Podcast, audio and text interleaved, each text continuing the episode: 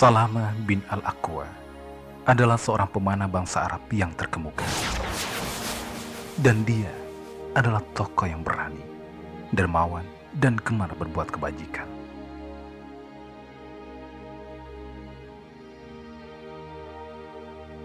Ketika ia menyerahkan dirinya menganut agama Islam, diserahkan segalanya secara benar dan sepenuh hati. Hingga kemudian agama yang mulia itu menempahnya menjadi sosok yang mulia.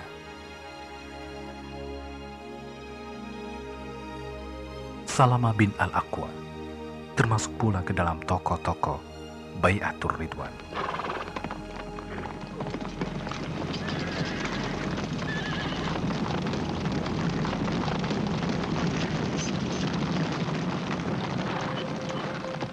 Ketika pada tahun 6 Hijriah, Rasulullah Shallallahu Alaihi Wasallam bersama para sahabat berangkat dari Madinah untuk berziarah ke Ka'bah, tetapi dihalangi oleh orang-orang Quraisy. Maka Rasulullah mengutus Utsman bin Affan untuk menyampaikan kabar kepada mereka kalau tujuan kunjungannya hanyalah untuk berziarah dan sekali-kali bukan untuk berperang. Hai!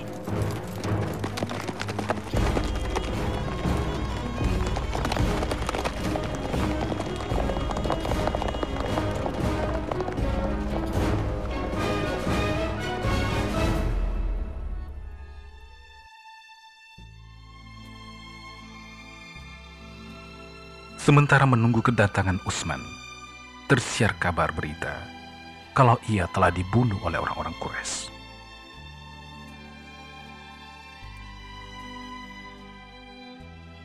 Rasulullah Shallallahu Alaihi Wasallam lalu duduk di bawah naungan sebatang pohon, menerima bayat sehidup semati dari sahabatnya seorang demi seorang.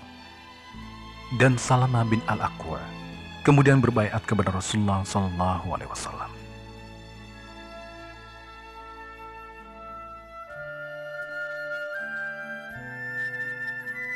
Aku mengangkat bayat kepada Rasulullah di bawah sebuah pohon dengan pernyataan menyerahkan jiwa ragaku untuk Islam. Lalu aku mundur dari tempat itu. Ketika mereka yang berbayat sudah tidak banyak lagi, Rasulullah bertanya kepadaku,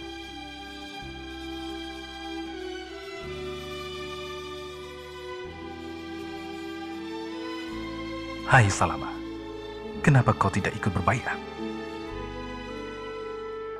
Kemudian Salama berkata, Aku telah berbaikat wahai Rasulullah.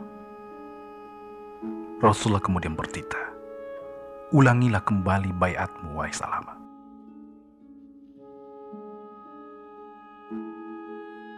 Lalu Salama mengucapkan kembali bayatnya.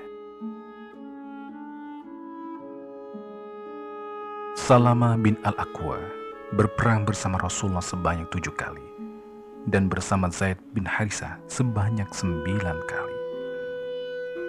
Salama bin Al-Aqwa terkenal sebagai tokoh yang paling mahir dalam peperangan jalan kaki dan dalam memanah serta melemparkan tombak dan lembing. Siasat yang dijalankannya serupa dengan perang kedua.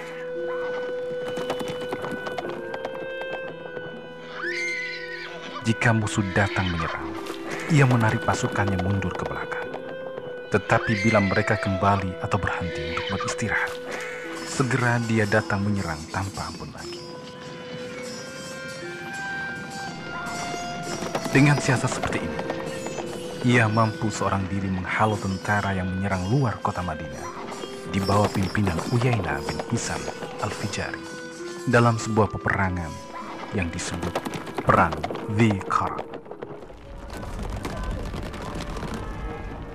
Ia pergi membututi mereka seorang diri, lalu memerangi dan menghalau mereka dari Madinah.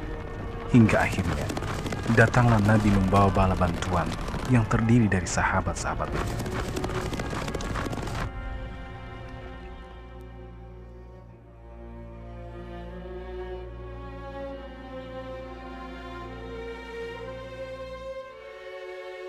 Pada hari itulah, Rasulullah menyatakan kepada para sahabatnya, Tokoh pasukan jalan kaki kita yang terbaik adalah Salamah bin Al-Aqwa.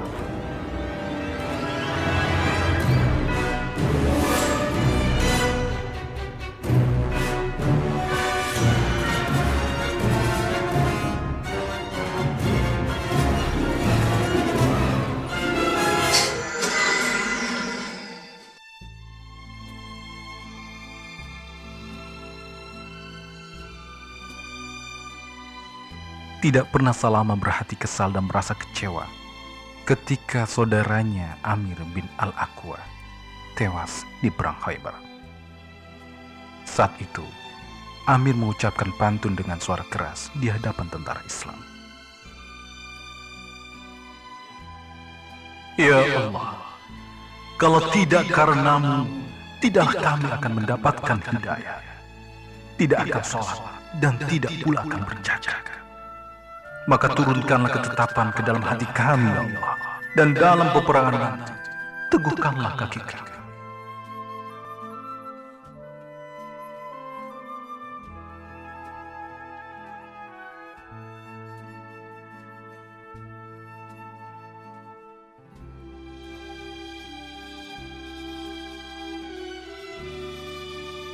Dalam peperangan itu, Amir memukulkan pedangnya kepada salah seorang musyrik. Tetapi tampaknya pedang yang berada dalam genggamannya melantur dan terbalik hingga menghunjam pada ubun-ubunnya sendiri yang menyebabkan kematian.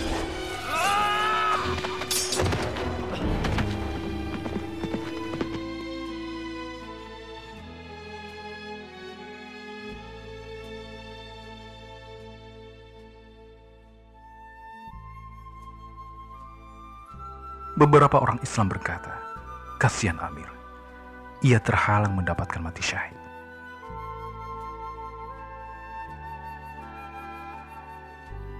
Salama merasa amat kecewa sekali. Ia menyangka, sebagai sangkaan para sahabatnya, kalau saudaranya Amir tidak mendapatkan pahala berjihad dan sebutan mati syahid, disebabkan ia telah bunuh diri tanpa sengaja.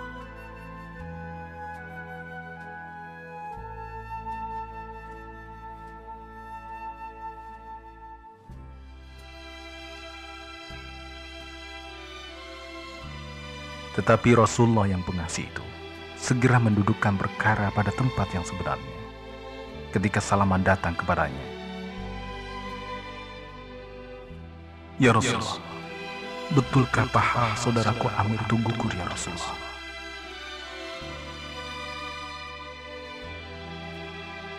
Rasulullah SAW kemudian menjawabnya. Wahai Salam, ia gugur sebagai pejuang, bahkan mendapatkan dua macam pahala. Dan sekarang ia sedang berenang di sungai-sungai surga. Kau tahu tahu.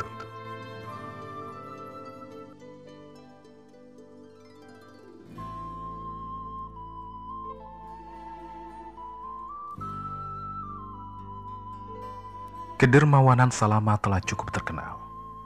Tetapi ada hal yang luar biasa hingga ia akan mengabulkan permintaan orang termasuk jiwanya sendiri jika permintaan itu disandarkan atas nama Allah Subhanahu wa taala.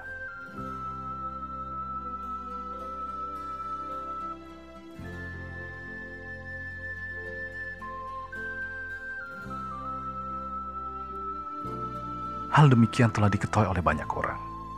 Maka jika seseorang ingin tuntutannya berhasil, ia akan mengatakan kepadanya, Ku minta padamu, wahai Salama, atas nama Allah.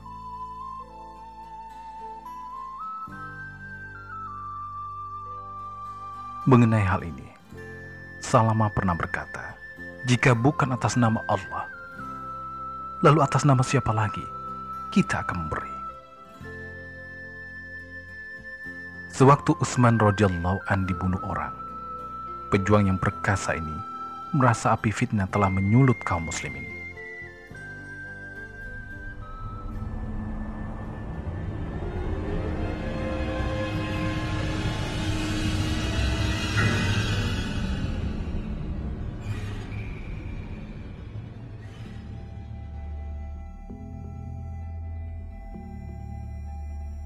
Ia seorang yang telah menghabiskan usianya selama ini berjuang bahu-membahu dengan saudara seagamanya. Tak sudi berperang menghadapi saudara seagamanya sendiri.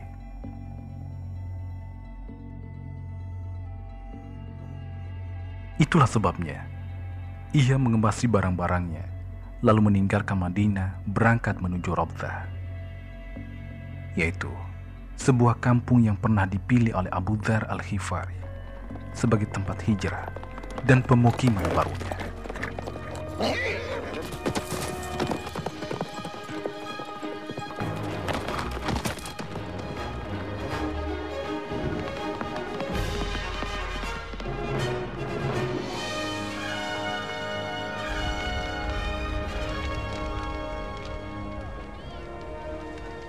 Maka di Ravda inilah Salama melanjutkan sisa hidupnya.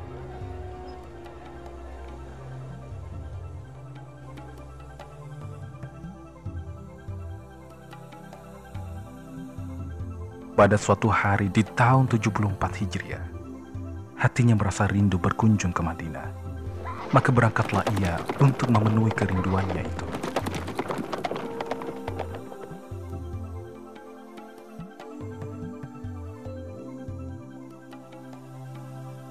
Ia tinggal di Madinah satu dua hari, dan pada hari yang ketiga, ia pun wafat.